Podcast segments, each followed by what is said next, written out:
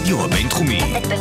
בינתחומי. 106.2 FM. הרדיו הבינתחומי. הרדיו החינוכי של המרכז הבינתחומי. לקום ישראל. 106.2 FM. השעה הבינתחומית. פודקאסט שמחדד את המוח. עם גיל מרקוביץ'. הרדיו הבינתחומי 106.2 FM, איזה כיף להיות כאן, אני גיל מרקוביץ' באולפן המשמח של הרדיו הבינתחומי במרכז הבינתחומי, ואיתי באולפן הפעם דוקטור אושי שוהם קראוס מבית הספר לתקשורת במכללת ספיר, וקול ישראל, וגם פוד, יש לך פודקאסט שקוראים לו קטע פילוסופי. שלום, שלום, זה מאוד אה, נחמד להיות כאן, שאתה פה, תודה. נחמד. איתך. כן, האמת שאנחנו אה, התכתבנו די הרבה זמן. מהמם. ועכשיו אנחנו סוף סוף אה, מגיעים לשבת ביחד באולפן ולפטפט קצת. ואני תמיד שמחה שיש לי הזדמנות ככה להביא לפעמים אנשים מבחוץ. אני מרגישה קצת בוגדת, אבל אני מביאה אנשים מבחוץ כדי להנגיש עוד אה, ידע שלא בהכרח יושב בין כתלי המוסד הזה. אם זה יעזור לך, אני לימדתי כאן אה, באמת? לימדת פה? סמסטר אחד, אה, מבוא אתה אומר? לפילוסופיה של הכלכלה. וואו. אז את לא ממש בוגדת. לא, לא לקחת את זה יותר מדי ברצינות, בסדר. כן? אבל אה, רגע, איך היה? אז איך החוויה ללמד היה פה? מקסים, כן? כן. מגניב. אה, ועכשיו אתה בספיר. ספיר כבר המון שנים. כן? כמה זמן בערך? שבע, עשר. אה, לא וואו, זה בדיוק. באמת הרבה. כן. אוקיי, ובכלל כל החוויה של ללמד היא כיפית לך? זה משהו שהרבה. הרבה אנשים שמתעסקים, אני לא יודעת, תכף נדבר קצת יותר לעומק אם אתה ממשיך לחקור וכולי, אבל הרבה אנשים שעושים את הדבר הזה, כאילו לא מתחברים יותר מדי להוראה. אני אוהב מאוד ללמד, אבל במידה. מה זה אומר? זה שש שעות בשבוע, זה יכול להיות כיף, שש, שמונה, לא הרבה יותר. לא יותר. אבל כן, אני אוהב מאוד ללמד. כן, אוקיי, מה קורה אחרי השמונה? אחרי שמונה זה מתחיל להיות מתיש. פשוט קשה, כאילו ברמה של לעמוד מול קהל, ואת... לא, כל- דווקא את זה אני מאוד אוהב. אוקיי, זה אז, החלק האהוב עליי. אז מה מתיש? הסטודנטים נודניקים? לא, הסטודנטים לא נודניקים, רק אלה שרוצים לשאול שאלות כשנגמר הזמן, הבנתי אותך, ובאים לשולחן של המורה, ו... ואז מעכבים אותך, ואז מעכבים את. המורה שהוא רוצה ללכת כן. בעצם. כן, איי, אוקיי, בסדר. צריך להעמיד פנים שכאילו כל כך מעניין אותי החומר שאני נשאר איתם אחרי איזה חצי שעה גם. זהו, זה עוד איזה סוגיה, לא תמיד אתה מלמד בדיוק את מה שעכשיו אתה מתעסק בו, או שעכשיו מעניין אותך. תמיד אני מלמד את מה שמעניין אותי. כן? כן, הסילבוס הוא די המלצה. נו, אז אתה לא צריך להעמיד פנים. לא, אבל ההפסקה יותר מעניינת אותי. הפסקה לא מעניינת רק את הסטודנטים, ההפסקה כן. מעניינת את המרצים יותר. כן. טוב, כבר אפשר להבין שהולך להיות כאן, הולכת להיות כאן שיחה מאוד כנה. אה, מה זה כן, כן, כן מדי. טוב, לא, סליחה. אוקיי. ממש לא, אני ממש לא בסדר. חושבת ככה. אוקיי, בסדר, אז אני באמת רוצה קצת לשאול אה, על הרקע האישי שלך, ולהבין ככה מאיפה אתה מגיע. אז אה, למדת מה בעצם? פילוסופיה? למדתי תואר ראשון, שני ושלישי בפילוסופיה. ראשון ושני, שני היה פילוסופיה של הלוגיקה, אה, לוגיקאי שקראו לו לודוויג ויטגנשטיין, וכשסיימתי את זה הבנתי שזה ממש לא בשבילי, ועברתי, כן, זה היה כל כך מופשט, ורציתי ללכת לעולם של היום, ועברתי לכלכלה, לפילוסופיה של הכלכלה, ומאז אני לומד המון המון שנים כלכלה לבד, מהמם. וחושב על זה, וכותב על זה, ומלמד את זה. ומחבר בין שני העולמות בעצם, בין אה, פילוסופיה כן, לכלכלה. כן, אבל פילוסופיה אפשר לחבר לכל דבר. זה נכון. זה הכי חשוב והכי טפילי. אבל איך בכלל בחרת פילוסופיה? אוקיי, אני אעשה תואר ראשון והוא יהיה בפילוסופיה? כאילו זה, אתה יודע, היום כבר יש קצת יותר סטודנטים כאלה, אבל אני גם... לא, לא, יכולתי, לא יכולתי לעשות משהו אחר, כי פילוסופיה זה המקום הכי פתוח, ואני מאוד uh, התקשיתי בחיים להיות בתוך מסגרות. עזבתי את בית ספר, את הישיבה, בעצם את בית ספר היסודי עזבתי אחרי שבע שנים, את הישיבה התיכונית עזבתי אחרי חצי שנה. מהמם. הסתובבתי ברחובות ועשיתי בגרות ככה בגיל 15 בעצמי.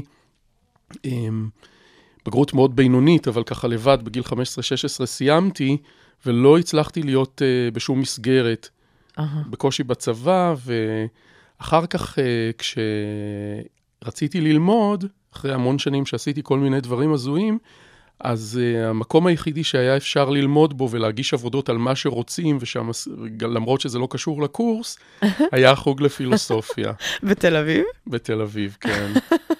אפשר כן, להגיש... זה היה, זה לא הייתה הגדרה, אני מניחה, אבל כנראה שאתה ככה מצאת לך את הצלחתי, הפתחים. כן, הצלחתי, כן.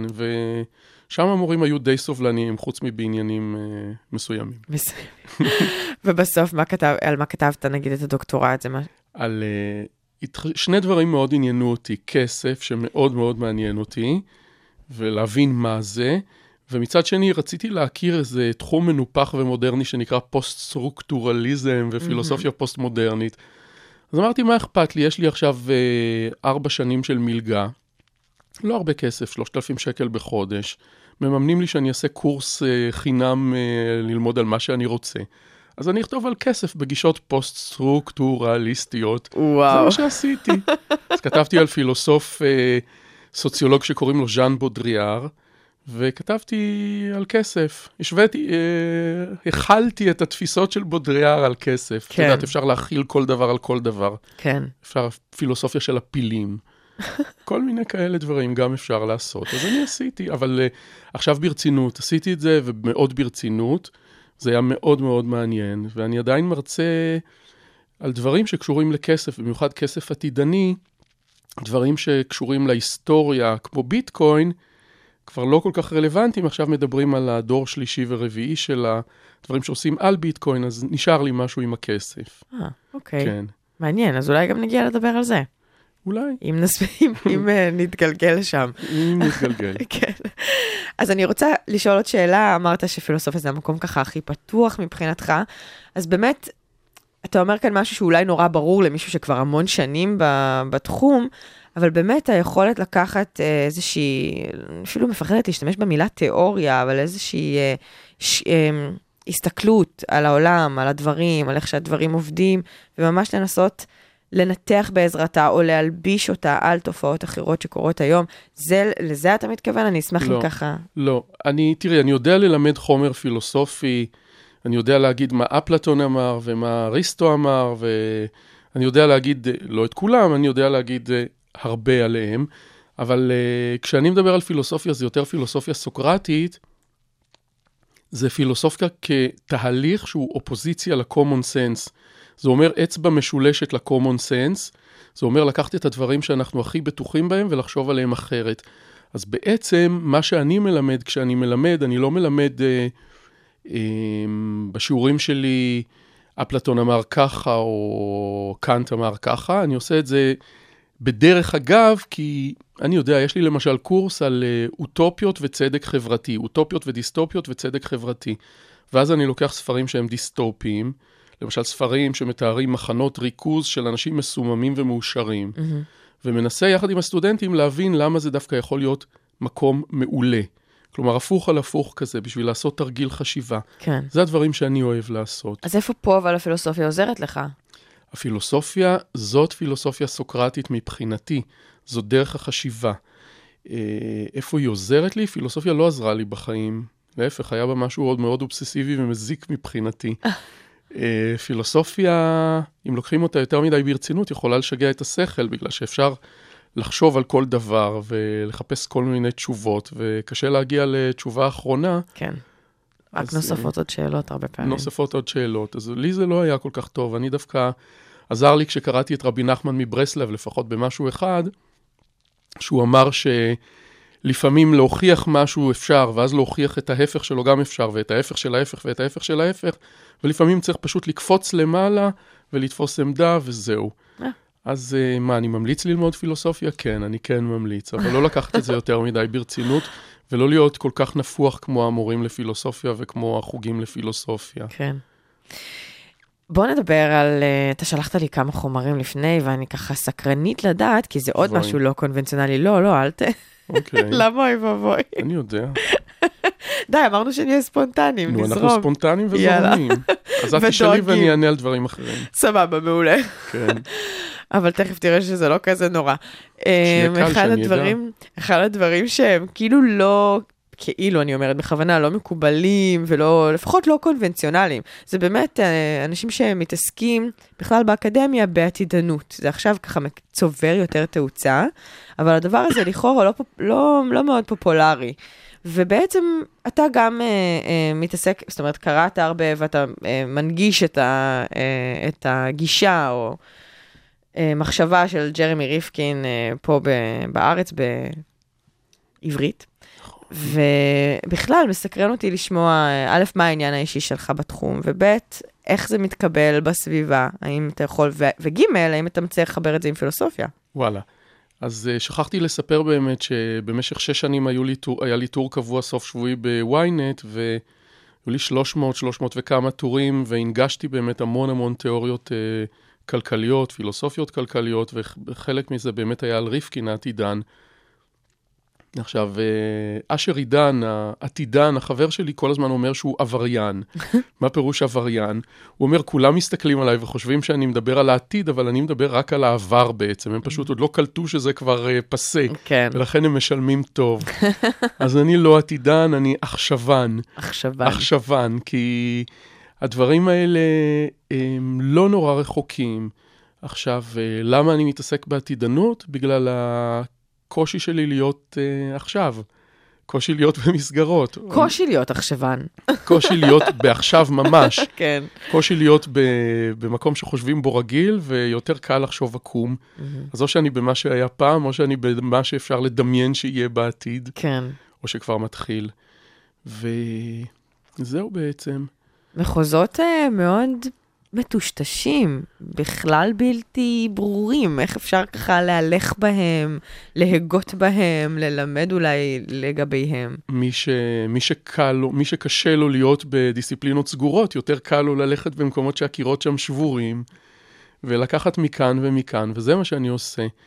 איך אני מלמד? אה, ללמד אה, את התחומים האלה של עתידנות אפשר בכל מיני צורות. Mm-hmm. אפשר באמת... אה, להסביר על ריפקין, לתת שיעור מבוא כזה, ריפקינולוגיה.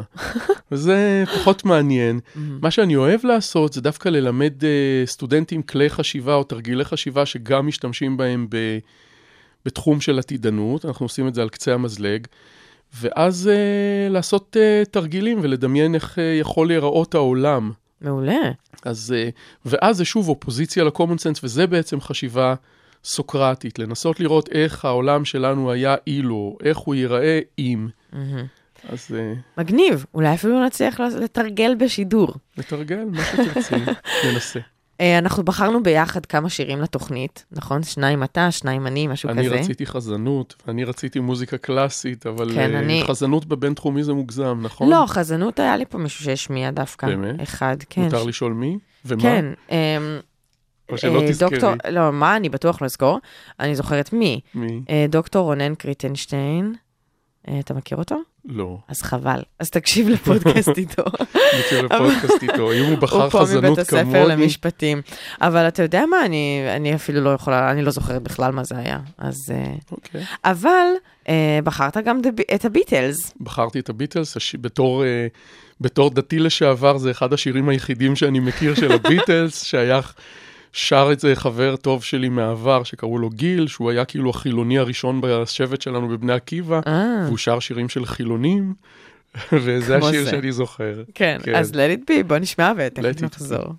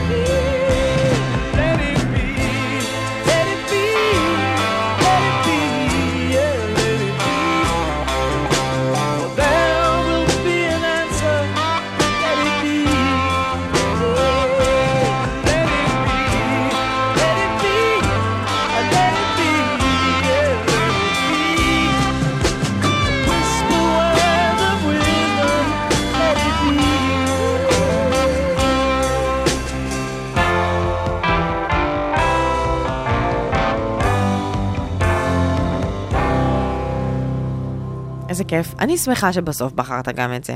כי אילצתי אותך קצת, אבל, אבל אני שמחה. בסדר, בסדר. אני גם אוהב את השיר הזה. סתם, רק באמת וידוי, אני זמרת אופרה באמת? עם 13 שנות השכלה במוזיקה קלאסית, אז תדע שאני... זה לא מה שאני... אפשר לבקש ממך בשידור? עם הצרידות הזאת? נראה לי שכלום. זה הרבה יותר יפה, לא? לא יודעת. בואי נחשוב מה אני מכיר, כי... לא, באופרה אני אתה אוהב, אתה אוהב מוזיקה קלאסית, אמרת לי, לא? כן, אבל השאלה אם אני יכול לבקש ממך נגיד קטע מהרקוויאם של ברמס. אוי, הגזמת. כ- גם ככה בשלוף כאילו? כן. טק, טק, טק. 13 שנה. בסדר. אבל זה לא אוקיי. אומר שכל דבר אפשר ככה על הדרך. אני מנסה פשוט לה- להעביר את להעביר המיקוד ה- אלייך, כן, כן, אני שמה לב. לשנות את התפקידים פה. מה שאני רגיל מכל ישראל, אני מנסה, מה ששנוא עליך, עשה לך ולך. זה- יפה, איזה מסקנות לחיים. כן, ולא לדפוק על השולחן בשידור. אל תדאג, לא שומעים. טוב, אז תקשיב רגע, אני חושבת ככה. אני לאחרונה, בזכות הרבה מאוד uh, חברים uh, שמתעסקים באמת עם לאן העולם הולך, לא באיזה צורה אקדמית, אבל אתה יודע, בכל מיני דווקא צורות מעשיות, מגלה כל מיני דברים שבאמת, אתה אמרת מקודם ביטקוין, אני הייתי מהדינוזאורים שלא שמעו עליו, ממש לא הייתי בעניין. Uh, לאט לאט uh, נגלה, נגלה ל- לעיניי עולם הבלוקצ'יין, התחלתי להבין קצת מה זה אומר. אני אשמח אם נדבר על זה קצת, okay. כדי אוקיי. שאולי באמת uh, יהיה לי איזה, יהיה לי ולמאזינים ולמאזינות איזשהו בסיס טוב ככה לשאול ממנו, א', לאן הולכים בתחום הכלכלה העתידית, או העכשווית, אני לא יודעת, וב', אה, איזה כלים אנחנו יכולים להשתמש בהם כדי לקחת את הבסיס הזה ולהתחיל לעשות עליו אה, מניפולציות. תראי, ביטקוין זה נושא נורא משעמם ונורא מעניין. אוקיי. אה, ביטקוין עצמו זה בעיניי נושא נורא משעמם. קודם כל, טחנו לזה את הצורה כבר המון שנים, והמטבע עצמו, תראי, נגיד אני מדבר על עצמי, אני לא יודע איפה קונים ביטקוין, אני לא יודע מה שער הביטקוין, אבל אני יודע איך הדבר הזה פועל ולאן זה יכול ללכת אולי בעתיד, כן, מעולה. וזה יותר מעניין אותי. מה, ש, מה שמעניין בביטקוין, שזה... מק- מה שמעניין בביטקוין זה שזה מקרה פרטי של uh, מה שנקרא בלוקצ'יין. Mm-hmm. את תגידי לי כשאני מטרחן יותר מדי, בסדר? כן, אני אגיד אוקיי, לך. בסדר. בלוקצ'יין זה, אפשר לקרוא לזה וואקף דיגיטלי. וואקף, את יודעת מה זה ש... אפשר להסביר מה זה וואקף? אה, נניח שמישהו אה, מת והוריש את כל הכסף שלו לקדוש ברוך הוא. מהמם. עכשיו, הקדוש ברוך הוא צריך לנהל את חשבון הבנק, אבל יש לקדוש ברוך הוא בעיה בלנהל את חשבון הבנק. נגיד, אין לו מחשב, אין לו אצבעות להקיש על המחשב, המון דברים קשים לו. ואז האנשים למטה ממנים קבוצה של אנשים ששומרים בשביל הקדוש ברוך הוא על הכסף, שמישהו הוריש לו. שמישהו הוריש לקדוש ברוך הוא, כן. והם מתפעלים את הכסף. והאנשים האלה, המוסלמים קוראים להם וואקף, אנשים ששומרים על הרכוש. ששייך למישהו אחר, לאיזושהי ישות. אה, ובעצם הבלוקצ'יין זה איזושהי, איזשהו אופן של וואקף דיגיטלי. אופן שבו נגיד אה, אלף או עשרת אלפים, אני לא יודע מה, מחשבים, ביחד, ביחד, ביחד שומרים על מערכת שחוץ מהם אף אחד לא מנהל אותה, אבל גם הם לא מנהלים אותה. כן, הם פשוט רק? כן, הם פשוט הם זוכרים, הם שומרים, הם. נשאים, הם שומרים במחשב שלהם תוכנה שמנהלת יחד עם עוד עשרת אלפים תוכנות שנמצאות אצל המתנדבים האחרים בוואקף הדיגיטלי הזה, בקשר עם התוכנות האלה, והתוכנות מגיעות להסכמה ומנהלות את כל העניינים ביחד. כן.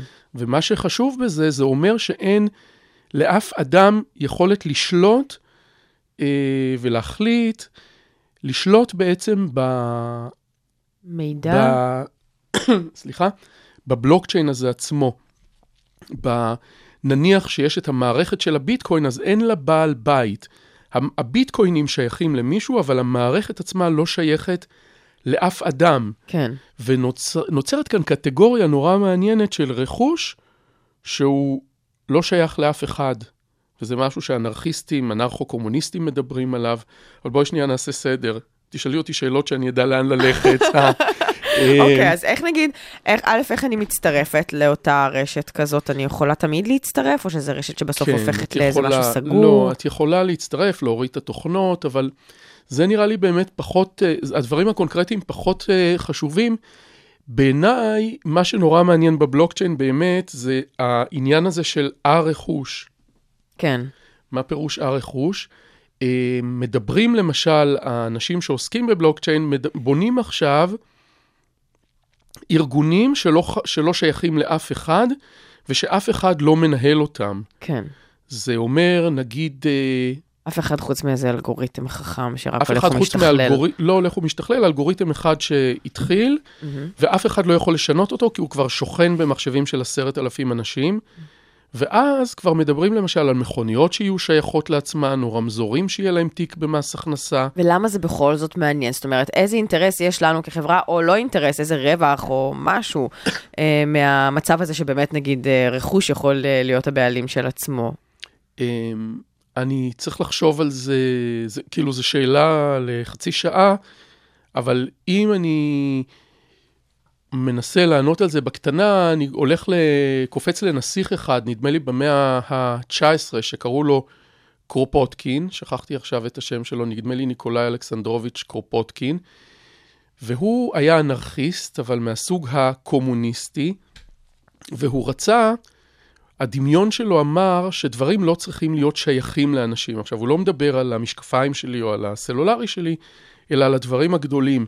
הם לא צריכים להיות שייכים לאף אחד, וכולם צריכים להשתמש בהם, כמו למשל אה, אה, נחל, שהוא כאילו של כולם. אוקיי. והוא רצה שגם הבית חרושת תהיה של כולם.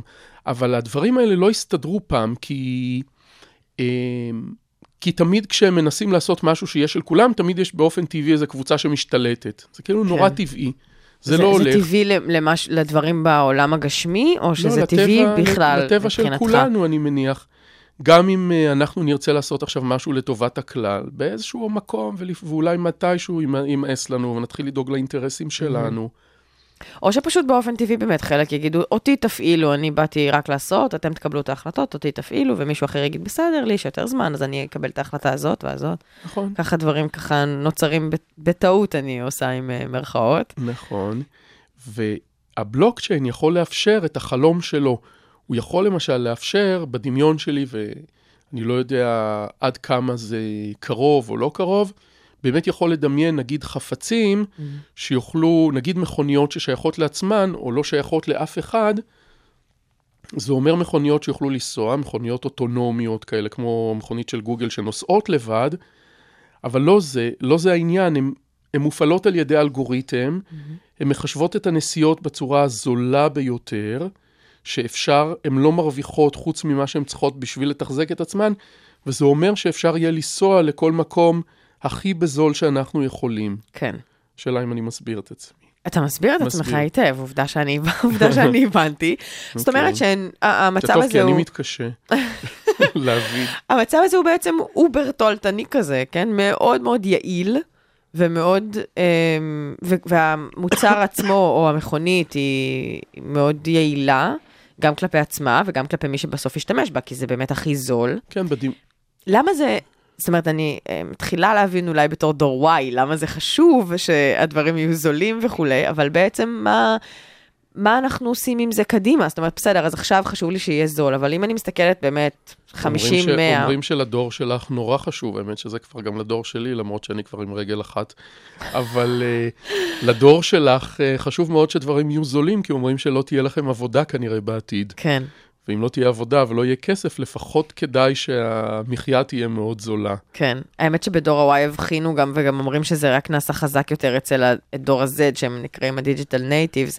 אומרים שיש איזושהי אה, מגמה, שפחות חשוב לנו להיות ה-owner of things, ויותר חשוב לנו פשוט להיות מסוגלים להשתמש בזה, ולהחזיר ל- לבנק וזה- של כולם. וזה קרופוטקיני.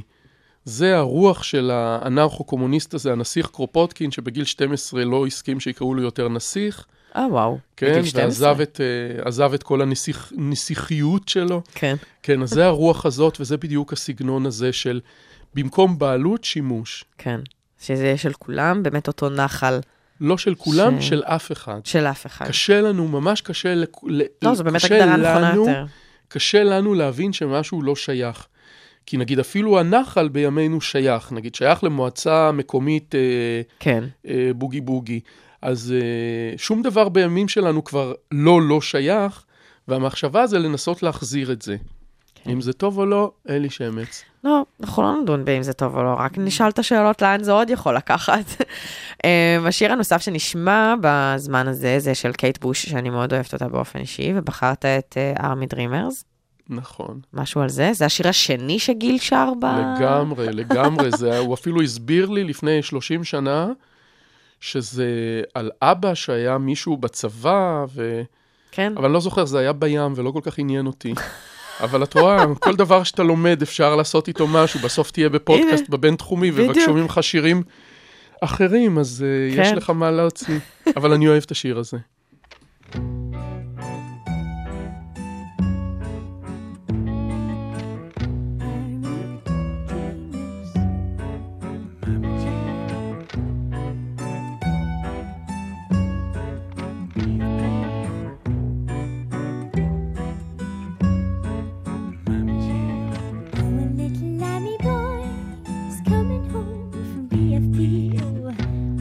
te.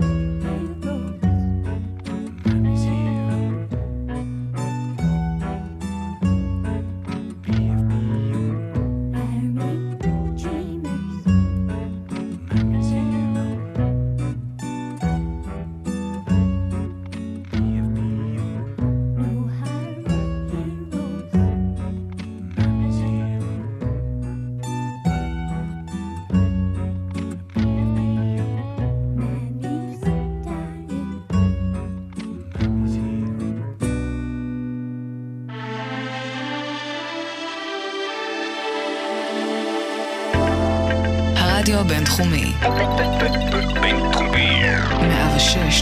106.2 FM, הרדיו בבינתחומי.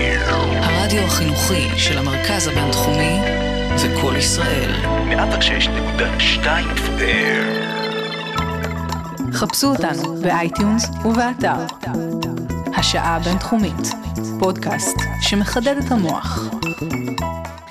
אני כבר uh, ככה מיתגתי את עצמי בחצי הראשון של התוכנית כדור Y. אז אני אקח את התפקיד הזה עד הסוף, אני אכנס אליו, ואני אהיה דור Y מודאג, ששואל, רגע, uh, אז בסדר, הבנתי איך אני עשויה להרוויח מהרעיון הזה שבאמת כל דבר יהיה הבעלים של עצמו, במובן הזה שגם הוא כנראה יהפוך להיות יעיל, ואז גם זול וכולי, לשימוש, וגם כמובן שאני לא אהיה האונר היחידה, אלא זה באמת יהיה של אף אחד, ויהיה אפשר ככה להשתמש ולהחזיר. אמ, אבל בתור דור וואי מודאג, שעכשיו שמתי את הכ- חבשתי את הכובע, אני רוצה לשאול את השאלה, רגע, זה לא נשמע לי מספיק, מה קורה עם אנרגיה שהיא לכאורה של כולם כבר עכשיו, כי השמש היא של כולם, או הרוח, או מה שלא יהיה, שהוא אנרגיה אה, אה, נקייה, ומה קורה עם... אה, עם צפיפות, כי זה שהאוטו הזה הוא בזול, אני לא רוצה להשתמש באוטו הזה אם ייקח לי עכשיו 5,000 שנה להגיע לעבודה, אני רוצה להשתמש במשהו שהוא גם זול וגם יעיל לעצמי, כמו שהדבר, כמו שהרכוש יעיל לעצמו, אני גם רוצה להיות יעילה לעצמי באותה מידה. אז מה, איזה עוד פרמטרים אנחנו יכולים להזדקק להם, או לחשוב שנצטרך? אמ, את רוצה לדבר נגיד על חשמל זול? על ריפקין? יאללה, בוא נדבר על חשמל זול. אוקיי, אבל אחר כך את צריכה לשאול אותי על הפודקאסט שלי. יאללה, אין בעיה. אז אחר כך תשמרי, אני רוצה לספר איך אני מקליט אותו באוטו ב-4 בבוקר. שום בעיה. שזה יישמע מסעיר. אה, מעולה. תשמעי. לא, אני רוצה פרסומת לפודקאסט שלי. שום בעיה, כי כן. כבר קיבלת בטייטל, ואתה. תקבל עוד. טייטל זה לא מספיק. תשמעי, אה, אני מספר עכשיו על עתידן שקוראים לו ג'רמי ריפקין, אוקיי. וזה נשמע, אני נורא התלהבתי כשקראתי אותו, אבל אני לא יודע אם הוא לא מפנטז פנטזיות אה, חסרות ערך. אז כאילו כדאי להפריד, אני, אני לפחות נורא מנסה להפריד בין רעיונות שנראים לי מדליקים ומעניינים כשלעצמם, לבין היומרה של באמת לחזות מה הולך לקרות, שנראית לי די מופרכת. כן. כאילו, ההיסטוריה אומרת שבדרך כלל זה קשה. אז ריפקין הזה, ג'רמי ריפקין, מדבר על חיים זולים בעקבות שתי מהפכות. מהפכה אחת זה המהפכה ה... בעצם את יודעת מה? שלוש. אה, מהפכה אחת זה המהפכה של ה-copy-paste הפיזי, אוקיי. copy-paste של מוצרים ולא של קבצים. כן. אחת של ויקיפדיזציה, אולי ויקיזציה, והשלישית זה באמת של ההפיכה של כל דבר לרשתי. שזה, אני אסביר את זה, וזה נראה לי קצת אה, מסוכן להפוך כל דבר לרשתי mm-hmm. ברמת המחשבה, להגיד כל דבר יהיה רשת. מעולה, תגיד דבר... את זה, כי זה עכשיו נורא פופולרי. אז זהו, זאת בדיוק הבעיה. עכשיו, כאילו, אם אני אשאל אותך מי זאת, אה, מי זאת גיל, אז אני אגיד שזה בעצם סוג של רשת נוירונים שמבטאת מידע. נכון, שמדעי המוח כנראה כן. יגידו שזה מה כי שקורה. עכשיו כל דבר, כאילו, יש, אה, יש מגמות כאלה שיש טענה כזאת שהמדע, ברגע שיש איזושהי תיאוריה שהיא הופכת להיות אה, הגמונית או מאוד משפיעה, אז כולם מסבירים את הכל באמצעות אותם מושגים, כמו כן. שהמון אה, ניו אייג'ים מדברים על אנרגיות, אז עוד מעט הם יתחילו לדבר נגיד על רשתות של מתים. אז אה, איפה היינו? אז היינו בזה היינו ש... בג'רמי ריפקין. כן. אז ג'רמי ריפקין מדבר על רשת נורא מעניינת של חשמל. הוא מנסה, הוא, הטענה העיקרית שלו זה שהרישות הופך, הולך להפוך את הכל לנורא זול. עכשיו הוא אומר דבר כזה, אה, את תגידי לי אם אני לא מסביר. הוא אומר uh, את הדבר הבא, תסתכלו למשל על אולפנים כמו האולפן הזה שלנו כאן. אנחנו נקודת קצה, אוקיי? אנחנו נקודת מרכז קצה שידור, ויש עוד נגיד אה, 5,000 אומללים כאלה שיושבים באוטו והם מאזינים אלינו, והקו יוצא מאלינו אליהם ולא חזרה. כן. ככה הוא אומר פועלת גם נגיד רשת החשמל. יש תחנת כוח והיא שולחת לכל הנקודות בקצה את החשמל. אה, אז הוא אומר, תראו מה הרשת עשתה למקומות כמו שלנו, כאן זה לא ממש דוגמה טובה כי פודקאסט הוא באמת חי ברשת, אבל uh, האינטרנט uh, מאפשרת לכל אחד ליצור תוכן, וכבר לא צריך, uh, אנחנו כבר לא תלויים רק בנקודות קצה. כן. שנייה. סליחה. זה בסדר. אוקיי, תודה. אמ, זה מה שהוא אומר, ואז הוא אומר, בעצם אנחנו עומדים לקראת מהפכה כזאת בתחום החשמל. הוא חוזה, אני חושב שהוא טוען אפילו שעובדים על כאלה דברים, רשת חשמל רב-כיוונית, שבה כל נקודה, בדומה לנקודה של משתמש בפייסבוק, שהוא גם מקבל תוכן וגם מייצר תוכן, כל נקודה גם תייצר חשמל וגם תמכור חשמל וגם תקנה חשמל. זה אומר שאם את גרה במקום שיש בו הרבה רוח, אז יהיה לך כזה שבשבת של תרנגול כזה ענק על ה... בסדר, בלי כן. התרנגול, אז יהיה לך שבשבת התרנגול. מאוד גדולה על, ה... על, ה... על גג הרעפים, והיא אה, תייצר חשמל, וברגע מסוים שבמקום מסוים אחר בארץ, העננים יסתירו את השמש ולבית מסוים לא יהיה, לא תהיה קרינה של שמש על הקולטנים השחורים האלה המכוערים, אז הוא יוכל לקנות לאותן שניות ממך את העודף חשמל שלך. מסביר את עצמי? מסביר את עצמך. אז, אה, ואז הוא אומר שהדבר הזה יוריד את המחירים, כי זה יאפשר המון הסתמכות על אה, חשמל טבעי. כן. תוכלי לקנות חשמל אה, הידראולי, מהפרשי מים בכל מיני מקומות, הפרשי כן. גובה של מים, חשמל של שמש, ואפשר יהיה לשחק עם זה. עכשיו, בעיניי המושג הזה, התפיסה הזאת של חשמל, של, של מערכת שקונה ומוכרת אה, אנרגיה... שיש לזה שם, אגב. איך? המציאו לזה לא, כאילו די, די כבר אה, כמה שנים, פרוסיומרים, אה, פרוסיומרס. פרוסיומרס, כן, נכון, נכון, כן. נכון. נכון. בעברית זה אה, נשמע נורא, זה יצ- יצרחנים. יצרחנים, כן. אה. כן, האמת שזה מזכיר לי באמת את החיתולים של הבנות שלי בזמנו. אוקיי. כן, אבל- אז יש לזה שם, אז אמ, אמ, יש ככה, בקיימות חוקרים את זה מאוד, כי זה הרי אחד המפתחות ל, לעולם נקי מפליטות אה, גזי חממה, ובאמת קוראים לזה peer to peer, שאנחנו באמת נכון. נוכל אה, לסחור ב... בדיוק, אז הוא מדבר על peer to peer יזציה של המון דברים. אה, גם אוקיי. של החשמל בעצם. כן, מדליק. וזה, אה, איך קשור למשל ל-Internet of Things? יש קשר לדבר כן, הזה? זה בנוי על אינטרנט זה of באמת, things. בעצם ה-Internet כן, of Things. זה, זה, זה, כן, זה כמו שאת אומרת, זה, זה ה Internet of things, או שזה בנוי על Internet of things, כי הכל מתרחש באיזושהי רשת, והדודים או הקולטנים מחוברים עם אה, תאים סולאריים, כל מיני, משהו. בדיוק, עם כל מיני חיישנים מחוברים לאינטרנט ומאפשרים דרך הרשת הזאת לייצר את הקנייה והמכירה למשל. כן. אז רגע, אז נגיד למדנו את כל זה, עכשיו יש לי כבר גם בסיס יותר טוב לגבי מה כזה קורה עכשיו, או בקצה של עכשיו, אוקיי. ואז נגיד אני רוצה באמת אה, לשחק את המשחק המופרך של אה, לנסות לראות לאן אנחנו הולכים, אז באיזה כלים אני יכולה עכשיו להשתמש כדי להבין אם באמת הדבר הזה ישים? כי האקדמיה למשל, לא חושבת שזה יהיה ישים בסופו של דבר. כלומר, היא לא חושבת, היא לא רואה את זה קורה בקרוב, שהפיר טו פיר והיכולת שלך לאגור אצלך בבטריות את השמש של, שהייתה כל היום ולהעביר אותה אליי, זה לא, זה קצת רחוק עדיין מבחינת האקדמיה. אוקיי. במונחים אקדמיים, יכול להיות שבמונחים של עתידן זה נורא קרוב, אז אני לא יודעת. אוקיי. אז איזה, בעצם באיזה כלים אני עכשיו יכולה להשתמש כדי לקחת את ה, נגיד, נתונים האלה שיש לנו, וככה להתחיל אה, לפנטז פינטוזים ו... לפנטז פינטוזים אפשר לעשות uh, משהו בסגנון מרקס. Uh, הפילוסוף הזה עם השערות הזה. הפנים, ההוא. ההוא ההוא. Uh, ולמרקס יש, אני עושה את זה בגרסת הקומיקס, או האנימציה המהירה. למרקס יש איזו תפיסה שאומרת שהטכנולוגיה משפיעה על הסדר החברתי, והסדר החברתי משפיע על האידיאולוגיה. עכשיו אני אגיד את זה בתור דוגמה. אם האדם הקדמון, אה, למשל, אה, היה לו, הטכנולוגיה שלו הייתה אבן משוננת שאיתה הוא הרג דובים, אז היה צריך להיות בריון בשביל להרוג את הדוב. זה אומר שהגבר, נגיד שהוא באמת יותר חסון, אני כבר לא יודע מה מותר או אסור להגיד, בעצם עכשיו בעידן טראמפ מותר להגיד מה שרוצים. אז הגבר הוא יותר... בלאו הכי זה post-truth. אז הגבר, הגבר הוא יותר חזק, אז הגבר הוא זה שמביא את החלבונים, אז האישה מלקטת דובדבנים ואוכמניות ודומדמניות, וכאילו הגבר שולט בפועל, וזה הסדר החברתי שהוא ממוין ג'נדריאלית, אה, מינית, אני לא יודע, והאידיאולוג... זה הסדר החברתי, והאידיאולוגיה אומרת שהגבר צריך לשלוט, וזו האידיאולוגיה הפטריארכלית. והנה, במאה ה-20, שפועלים עם מכונות בבתי חרושת ועם מחשבים, אין לגבר עדיפות, ובאמת מקומות עבודה כבר אה, מעורבבים גברים ונשים ביחד, ובאמת לא במקרה, לפי ההסבר הזה, הפמיניזם דווקא עלה בסוף המאה ה-19, תפס במאה ה-20. אוקיי. עכשיו, איך משתמשים בזה? אמ, לוקחים את התפיסה הזאת ומנסים לפרוס אותה.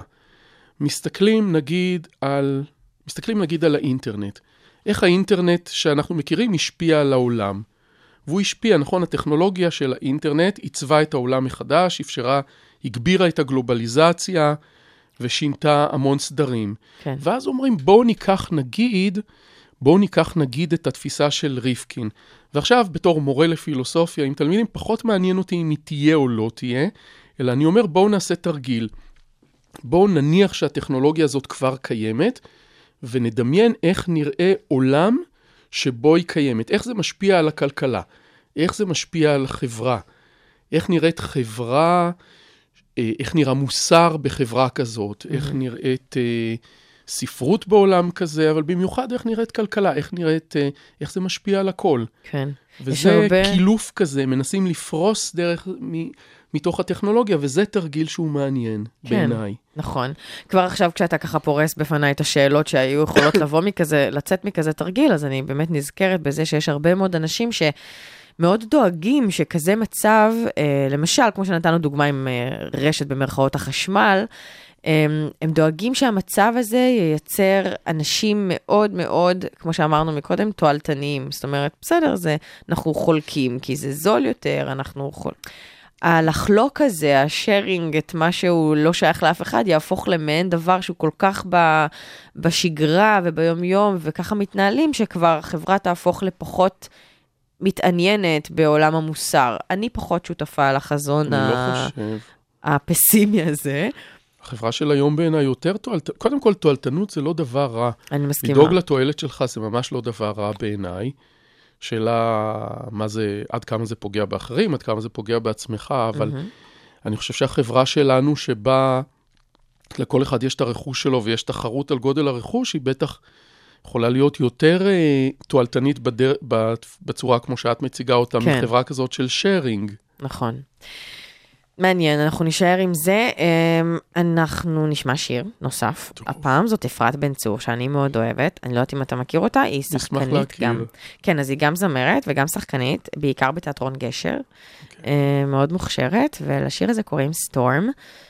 זה מתוך אלבום שהיא אגב אה, תרגמה, אה, לא תרגמה, סליחה, הלחינה, הרבה מאוד אה, שירים, פואטרי, של אחת הכותבות שהיא מאוד אוהבת, אני לא זוכרת את שמה, אני אבדוק.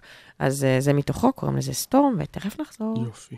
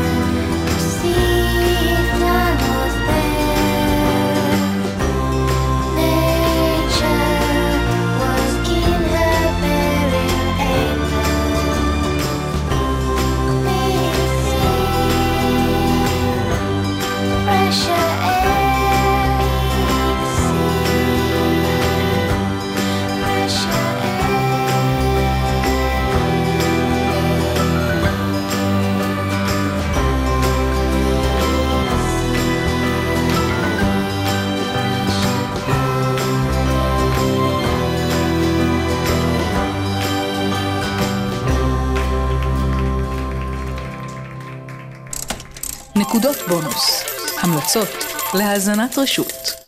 אז אושי, אני הכנסתי איזושהי פינה נחמדה כזאת, שכל האורחים והאורחות שמגיעים אליי לאולפן, ויש הרבה ומגוונים, וזה נורא כיף, בעצם יכולים להמליץ על איזשהו תוכן, האזנה, צפייה, כל דבר, הרצאה מגניבה ששמעת ובא לך לחשוף, ממש מלא דברים. אז uh, אתה, אני משערת, יש לי איזו תחושה שאתה הולך uh, לדבר על הפודקאסט שלך. כן, אבל את אמרת האזנת אה,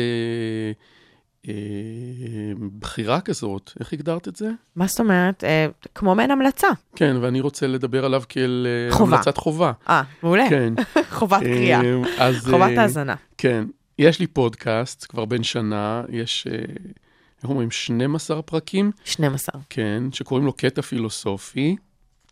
עוסק בפילוסופיה, אבל בצורה מונגשת. למשל, היה פרק על התסרוקת של טראמפ, פילוסופיה והתסרוקת של טראמפ. איזה פילוסופיה עוסקת? מה, אסתטיקה? לא, למשל אה, פרדוקס הקרח, למשל דיברנו בפודקאסט מה יקרה אם אנחנו נמרוט לו שערה אחרי שערה מהראש, ועדיין לפי אה, ההנחות של הפרדוקס הזה הוא חייב להישאר שעיר למרות שבסוף הוא יצא קרח. דיברנו על, דיברתי שם על כל מיני דברים. עכשיו, אני מאוד אוהב את הפודקאסט הזה. אני מקליט אותו, מקליט אותו באוטו, אה, בחנייה, בלילה, בארבע בבוקר כששקט, כי שם האקוסטיקה הכי טובה, כי אין לי אולפן אה, צמוד בבית. מה, בחמש כבר יש יותר אה, רעש? אה, כן, בא מה, איש... אתה אה, אשכרה. מתעורר? אה, כן, טוב, אני במיוחד? כל יום, אבל אני כבר בגיל שמתעוררים כל יום בחמש. איזה? תגיד לי, באיזה גיל זה קורה? שאני אני אבוא. מוכנה. לא, אני אוהב לקום בחמש. אני אוקיי. גם ממליץ, אז את יודעת מה? אני ממליץ על ישיבת חובה, על ישיבה בקפה נונה באבן גבירון בתל אביב, שפתוח 24 שעות ביממה, וכשבאים לעבוד שם עם המחשב בחמש, אז חוץ מאת ההזויים הקבועים שנמצאים שם, רואים גם את הזריחה על רחוב אבן גבירול. אה, מאוד שווה. רומנטי. באמת כן, רומנטי. מאוד רומנטי. אז ככה אתה מקליט את הפודקאסט בתוך האוטו? ועורך את זה אחר כך אה, עם תוכנה שקוראים לה אודסיטי, וזה יוצא מאוד יפה. איזה זה, קטע. זה לא נשמע פרש, זה נשמע ממש אולפני. כן? אוקיי. כן, זה נשמע אולפני לגמרי, אה, וכדאי לשמוע את זה. מה עוד אני ממליץ? אה, טלוויזיה אני לא כל כך מכיר, וסדרות אין לי סבלנות. אוקיי, נחמד. איך לפודקאסטים יש לך סבלנות? אני, יש לי פודקאסט, אה, סבלנות רק לעשות פודקאסטים, לא להאזין. אה, לא להאזין, אוקיי. לא, אני HD, PhD, HDD, PhD, כל מיני כאלה. כן. אמ, אם כבר להמליץ, אז בא לי להמליץ על משהו שיכול להיות שהרסו לאנשים, אה, שהרסו אותו לאנשים בתיכון, מה? על גוגול. אוקיי. גוגול, ניקולאי גוגול, הסופר הרוסי ממוצא אוקראיני. לא, לא לכולם אגב, אה, לא כולם נתקלו בו בתיכון בכלל, אז יש כאלה שלא הרסו להם אותו עדיין. אני, זה, אני מדבר נגיד על אה, ספר שקוראים לו המעיל, או, על סיפור שקוראים לו המעיל או האדרת, אני מדבר עליו בפודקאסט הזה שלי החדש. הפודקאסט הוא על הכלא הפנימי שלי, והספרים של, הסיפורים של גוגול בעיניי מדהימים, כי זה דמויות הזויות, ולא ברור מה באמת ומה לא באמת, והטיפוסים שם, למשל, הגיבור של האדרת קוראים לו הקקי הקקביץ', ולא רק בעברית זה נשמע ככה. כן. ואימא שלו קראה לו הקקי בגלל שלא מצא חן בעיניה שום שם אחר, אז היא אמרה שכבר יקראו לו כמו שם אבא שלו. וואו. ויש לו פרצוף מחוטט וגוון עור מוכת חורים, ככה גוגול כותב, הוא נורא מסכן, וזורקים עליו ניירות הפקידים האחרים, אוי. וזה זה, זה סיפור הזוי, אני אוהב את הדברים האלה, אז אני מאוד ממליץ על... אה, על אה, לקרוא את- גוגול, לקרוא את כן, גוגול. ו- וזה לא, ולמרות שזה סופר בטח מעל 100, אני בטח יותר, אני לא כל כך טוב בתאריכים, זה כיף נורא לקרוא. כן. מה עוד אני יכול להמליץ? אני ממליץ על השיר של קייט בוש ששמענו קודם. מעולה. אה, אני יכול להמליץ... כבר, אה, זה כבר אבל אה, האזנו, אז זה עשינו וי, כן, האזנת חובה. טוב. שאלה, שאלה. דיברנו באמת קצת, קצת על קצה המזלג, על uh, לאן נגיד זה יכול לקחת אותנו מבחינת uh, כלכלה. Uh, ריפקין, ודיברנו קצת על uh, אנרגיה, שזה משפיע על הכלכלה מן הסתם. מה לגבי, uh, יוצא לך לתהות עם הסטודנטים והסטודנטיות שלך, או לבדך, לגבי uh, הסדר המדיני? כלומר, מה יהיה, מקודם דיברנו על מוסרי, זה קצת נוגע לדעתי, אבל באמת הפוליטיקה, איך היא תיראה בעולם כזה ש... אתה יודע, יש, יש היום דיבורים, אני לא יודעת אם יצא לך לשמוע, על להקים מדינת ענן. כן, האמת שאני שמעתי על מחשבות שמאוחסנות בענן. אה, מה, אה, כמו להקליט את עצמי ולשים את זה בענן? לא, שהמחשבות שלי יהיו מאוחסנות, אבל אני לא כמו יודע מה זה. בהארי פוטר? שכזה לא סנייפ. בוכה, אז אני אספר לך. ספרי לי. סנייפ זה אחת הדמויות החשובות, וכשהוא מת, הוא עושה איזשהו כישוף לפני, וכשהוא בוכה, כשהוא מת, סליחה, יורדות, זולגות לו דמעות. ואת הדמעות האלה אתה צריך לאסוף במבחנה, ואז אתה יכול לשים אותן בהגיגית, שזה גיגית של הגיגים, ואתה שופך את זה בפנים, ואז אתה יכול לצלול פנימה, אתה, שם, אתה מניח את הפנים שלך פנימה בתוך ההגיגית, ואתה רואה את המחשבות והזיכרונות של אותו, ספציפית פה זה סנייפ, של אותו אדם שאספת לו את הדמעות. אני מניח שזה דומה, אבל בגלל שזה לא קיים, אני לא יודע איך זה הולך להיות. אוקיי. ואנחנו יכולים להמציא עכשיו משמעות לזה, אם את רוצה. מה זה יכול להיות אה, הזיכרון שלנו בענן, אבל אולי בשידור אה, כזה זה מוגזם לעשות. אוקיי.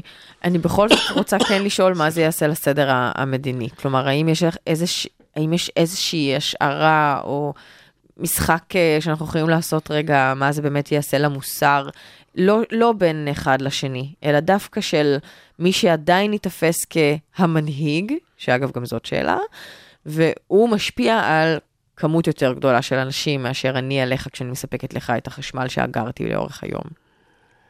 אני כאילו די פסימי, אני חושב שרוב האנשים מדברים על חופש ומדינת חופש כזאת, מהמם. ואני דווקא מדמיין uh, כמה גופים כאלה כלכליים ששולטים בכולנו, אולי אפילו בצורה חמודה, בסגנון האח? הגדול, האח הגדול החמוד. אה, אוקיי. אמ, זה אח גדול, זה חמוד, זה קצת פרדוקסלי. לא בהכרח. האח גדול חמוד יכול להיות האח הגדול כמו שגוגל ופייסבוק וחברות כאלה עכשיו, שהן יודעות עלינו יותר. זה חמוד? זה חמוד, כי הם יכולים להשתמש בזה לטובתנו, או לטובתנו לכאורה, לא כמו ב-1984, שכאילו ממש רודים בך, אלא פשוט להציע לנו את הדברים שאנחנו נרצה, ולדעת אה, לתת לנו אפשרויות, או לעצב את האופי שלנו בצורה קלילה ונחמדה, בלי שנרגיש. לא, לא רודנות ישירה כזאת, אוקיי. לא, לא דריסה, אלא משחק כזה כלכלי של אה, צרכנים, צרכנים. מאוד הומוגני, יחד עם זאת. אחד הדברים שגוגל ופייסבוק הרי מייצרות, אולי כתוצאת לוואי שהם לא תכננו, זה עולם מאוד הומוגני. כלומר, הפרופיל פייסבוק שלך הוא מאוד מאוד הומוגני בסך הכל, סביר לא כל להניח. כך מבין באיזה אופן הומוגני. האלגוריתם, למשל, אמזון מציעה לך לקנות ספר שלפי ספרים שכבר קנית, ולפי זה שהיא רואה שאנשים כמוך, שקנו את הספרים שאתה כבר קנית, קנו עוד 20 ספרים אחרים שאתה עוד לא קנית. אוקיי. אז היא מציעה לך את זה. הופכת אותנו לקונפורמיסטים או הולכים ב... די צרים, לא מעורבבים, פחות כן, חשופים לשונות. למרות, ש... למרות שזה נראה לי דבר שאפשר יהיה לשנות, כאילו לייצר אלגוריתם עוד uh, כמה שנים שיהיה יותר יצירתי ושיביא יכול להיות. לך דברים אחרים שיאתגרו אותך. אני מקווה, אני זה- מקווה זה לפחות שאם לי- לא זה נראה לי האלגוריתם, דווקא סביר. אם לא האלגוריתם יעשה את זה, דווקא כן הייתי מצפה נגיד ממנהיג. שלא יהיה חמוד בדיוק במובן הזה, שיאתגר אותנו, אז אולי אנחנו לא נתפוס אותו כחמוד, כן? הוא לא... יאתגר אותנו בצורה חמודה. לא יאתגר אותנו. בצורה כאילו. כן? ככה נראה לי. אוי, נו, אז זה באמת פסימי, הכאילו הזה. לא יודע, זה מזכיר לי באמת את מה שאלדו סקסלי מדבר עליו בעולם חדש הוא מופלא. מחנה ריכוז, שכולם uh, מסוממים בו, עובדים קשה, אבל מאושרים מהעבודה שלהם כל הזמן ושמחים בכל רגע. מהמם. הם לא חופשיים, אבל הם נהנים מכל רגע. זה טוב או רע? אני לא יודע גם. אני גם לא יודעת. אני אגיד שזה קצת מתנשא להסתכל על זה מבחוץ ולהגיד זה לא טוב. נכון. כמו שאני מציג את השאלה, לגמרי, אני מסכים איתך שזה מתנשא. כי אז אפשר להגיד, אנחנו לא נרצה לוותר על החופש, אבל הם, יכול להיות שמאוד טוב להם. כן. אז אני לא יודע באיזה, אם בעולם כזה יהיה לנו טוב או רע, אני לא יודע אם נהיה חופשיים, אני לא יודע אם זה חשוב. דוקטור אה, אושי שוהם קראוס, אנחנו אשכרה הגענו לסוף השעה באופן uh, מפתיע, ואני מאוד מודה לך על התוכנית הזאת. זו הייתה תוכנית uh, מאתגרת במובן הזה, שהיא באמת לא הייתה שגרתית גם לי, וזה מאוד משמח. חן חן, אז תודה רבה. תודה על ההזמנה. אני אציין שוב שאתה מבית הספר לתקשורת במכללת ספיר, גם אה, יש לך תוכנית אה, בכל ישראל, וגם פודקאסט שנקרא קטע פילוסופי, שהוא האזנת חובה, חברים וחברות. אה, רגע, לא בטון שאת עשית, האזנת חובה. אני גיל מרקוביץ', הרבה תודה לכם שהאזנתם, אנחנו נסיים עם שיר אה, בצרפתית ש... של Christine and the Queens. האמת שאני לא יודעת, יש לזה גם גרסאות באנגלית, אז תכף נראה מה הרדיו הולך להביא לנו. אה, להתראות. Thank you.